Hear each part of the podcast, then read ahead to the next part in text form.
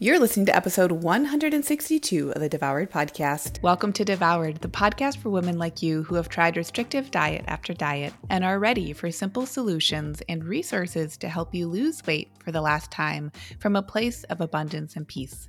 If you're looking to end the yo yo of comfort eating and rigid weight loss protocols and instead step into living your life on your terms while losing weight in the process, you're in the right place.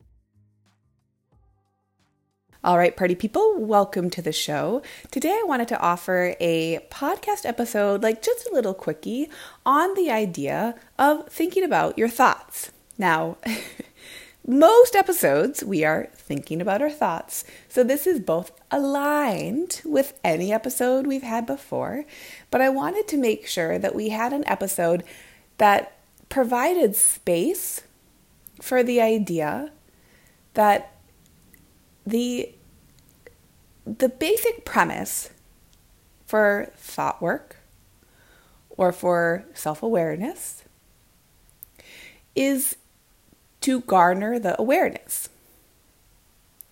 And I think often what some of our brains can do, my brain does this, so I say it with compassion, is that sometimes our brains, I think, can conflate awareness with the desire or feeling of responsibility to take care of things, to quote unquote fix things. What I mean by that is sometimes along this journey of starting to become aware of our thoughts and the feelings that are like kind of generated or along with the thoughts or even with the beliefs, we can start to feel like, oh, if I become aware enough of this thought, that means that that awareness is going to fix the thought. Like maybe more of a negative or a, th- a thought or a thought that we feel like is affecting us negatively. And remember, in these conversations around thoughts, we are excluding the extremes. So remember that coaching is not therapy. There can be times where the thoughts that we're thinking need much more support. So this is within the realm. It's a bit of a privileged realm. We're not going to like dispute that at all. It's a privileged realm of feeling like our basic needs are being tended to, and that includes basic mental health needs. Okay? So, given that format, once we're in the space of self awareness, I just think it can be a, a, thought pattern, and this is where it becomes very meta the thought pattern of thinking about our thoughts and just getting curious if we're feeling some sort of over responsibility to fix or take care of the thoughts that we start to identify don't really serve us. And here's what I want to say if you're starting to feel an over responsibility to get rid of or to fix up those thoughts that aren't really serving you towards what you value, towards your goals, towards your dreams, right? Towards that landscape that you're like, yeah, this is the direction I want to be moving in. Why am I not doing it? I want to offer to you that if your brain is starting to get fixated on fixing the thoughts, or if it's even just fixated on, like, why do I keep thinking this thought? I want you to understand that that right there can be a thought pattern. it's really, really meta. It's these layers of how we think about ourselves. And that speaks to the beauty of the human brain. So I want to offer to all of you this week that absolutely nothing has gone wrong. If you're start if you're starting to notice thoughts and then you're feeling like, ah, but I shouldn't be thinking it, or like, why can't I just like get over myself and like do the thing or whatever? I want to offer to you that what if the emotional energy that's needed now isn't to say like, why can't I or what's happening? What if it's to say, because that, that also that puts us into an all or nothing framework, right? It's like, oh, I got to get rid of the certain certain thought before I can dot dot dot. Right? This needs to be fixed up before I can. I need to take care of this in order to. But what I'm positing and inviting all of you to think about this week, to play around with, to step into, to soak in, right? To shake off, whatever it's going to be, I'm inviting all of you to really get curious is that true? Do we need to get rid of the thought that maybe doesn't serve us as much as other thoughts could in order to then think the other thoughts? And I really want you to sit with that for a little bit this week. What if instead of this either or, all or nothing, exclusionary way of thinking that our brains again are offering to us just to make sense of the world, right? No bad brains. Brains are just braining, so we can love them for that. And we're not trying to fix them. We're not trying to like get them into line either. We're trying to love up on our brains. So, what would be the truly loving place of play and practice? What if the most loving thing we can do is to say, Oh my gosh, brain, you just served me this thought that, like, I can see conceptually isn't really all that helpful to me. It's feeling messy. I'm feeling miserable. I'm not liking that I'm thinking this thought. I think the thought should have been gone by now because I'm doing all this work. Or like, I can't believe I would be the person with this type of thought. Like, what the heck? No one else would imagine that I'm thinking these thoughts about myself or my food or my body or whatever. What if that's not something that you have to go take care of? What if the most radical part of this self awareness journey is simply the awareness? And the more that we just allow our thoughts to be little Pooh sticks, Winnie the Pooh, please tell me y'all know this reference, right? The, the sticks floating on the top of the river and they're just floating on by. What if they're just those sticks floating in the river, moving through? Our thoughts aren't the stones in the river. They're not even the fish in the river.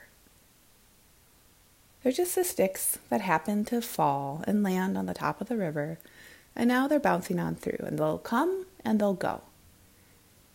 And we might have some more familiar thoughts, we might have newer thoughts, but what if we don't have to judge the thoughts themselves? We're not judging the sticks themselves. We're not judging that they're falling on the water. We're not judging where and why they fall. We're not judging what type of tree they're coming from.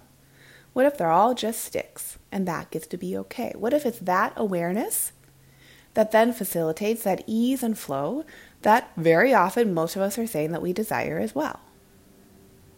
You see what I mean? If we focus so much on the stick being wrong for falling in the river, for being from that wrong tree, falling in the wrong place at the wrong time, right? If that's where our attention is, it's going to be awfully hard to notice the other sticks floating on the river. It's going to be awfully hard to start to say, wait a second, there was nothing wrong with those, they just happened to be. And because of that, now I can see the other ones that are just happening to be too, if I would so like. So, just like this is just a little episode to say, if you would so like, you can radically allow to be permission giving to your thoughts without having to take care of them, collect them, finagle them, make decisions about them. You can have all the thoughts in the world and keep doing the thing that it is that you desire to move yourself towards the place you want to go. And I really think, you know, for a lot of people, like I have an episode on core values. That's a big module in Lean and Liberated is really discovering like what is it that I value? And so how is it that the stuff that I'm doing in my life does it align with my values or not? All of that even is an invitation inwards. It's not to say, man, you've been doing a really bad job of living your life in an aligned way. Ugh. Thank God you figured it out now. No, it's more so to say, like, oh, cool, okay. now I have this level of awareness. What is it that I would like to do if there is anything I'd like to do in order to allow that alignment if it speaks to me. And that's the different, differentiator right there. So I want you all to give that a go this week. Is really saying the thought that I'm thinking, if I'm starting to think I'm having like thoughts that aren't serving me and I'm judging the thoughts, instead of saying, oh, I radically allow you to just be a thought. I don't have to take action on you, whether that action is fixing you or trying to replace you with a better thought, whether that action is doing what the thought is supporting. Remember, this is within the parameter that I set just a couple minutes ago.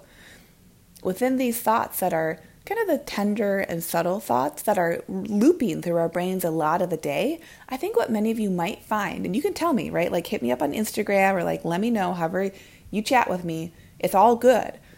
Let me know do you start to notice if there's a pattern to some of these thoughts? Because what I'll say is that our brains tend to practice what they're going to practice. Our brains like to be comfortable.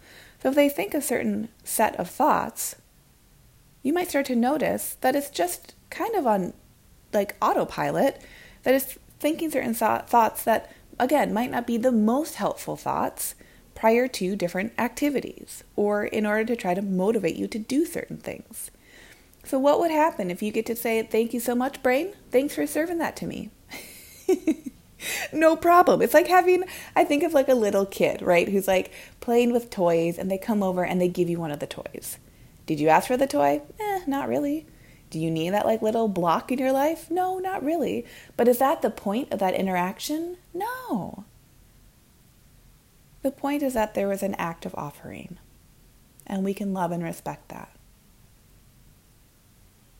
Let's love and respect this week and just play with this that our brain does offer us thoughts. How profound is that? We can take the thought without then having to have the like onus on us to do something with the thought. We can just take the thought for what it is. We can love our thoughts. They can be our guides without us having to follow them. So I hope this serves you all so well this week. Thank you so much for being here. And I will see you on next week's episode. Bye. Did you know you can find more support from me on my website? Go to Lucia Hawley, L U C I A H A W L E Y dot com to connect.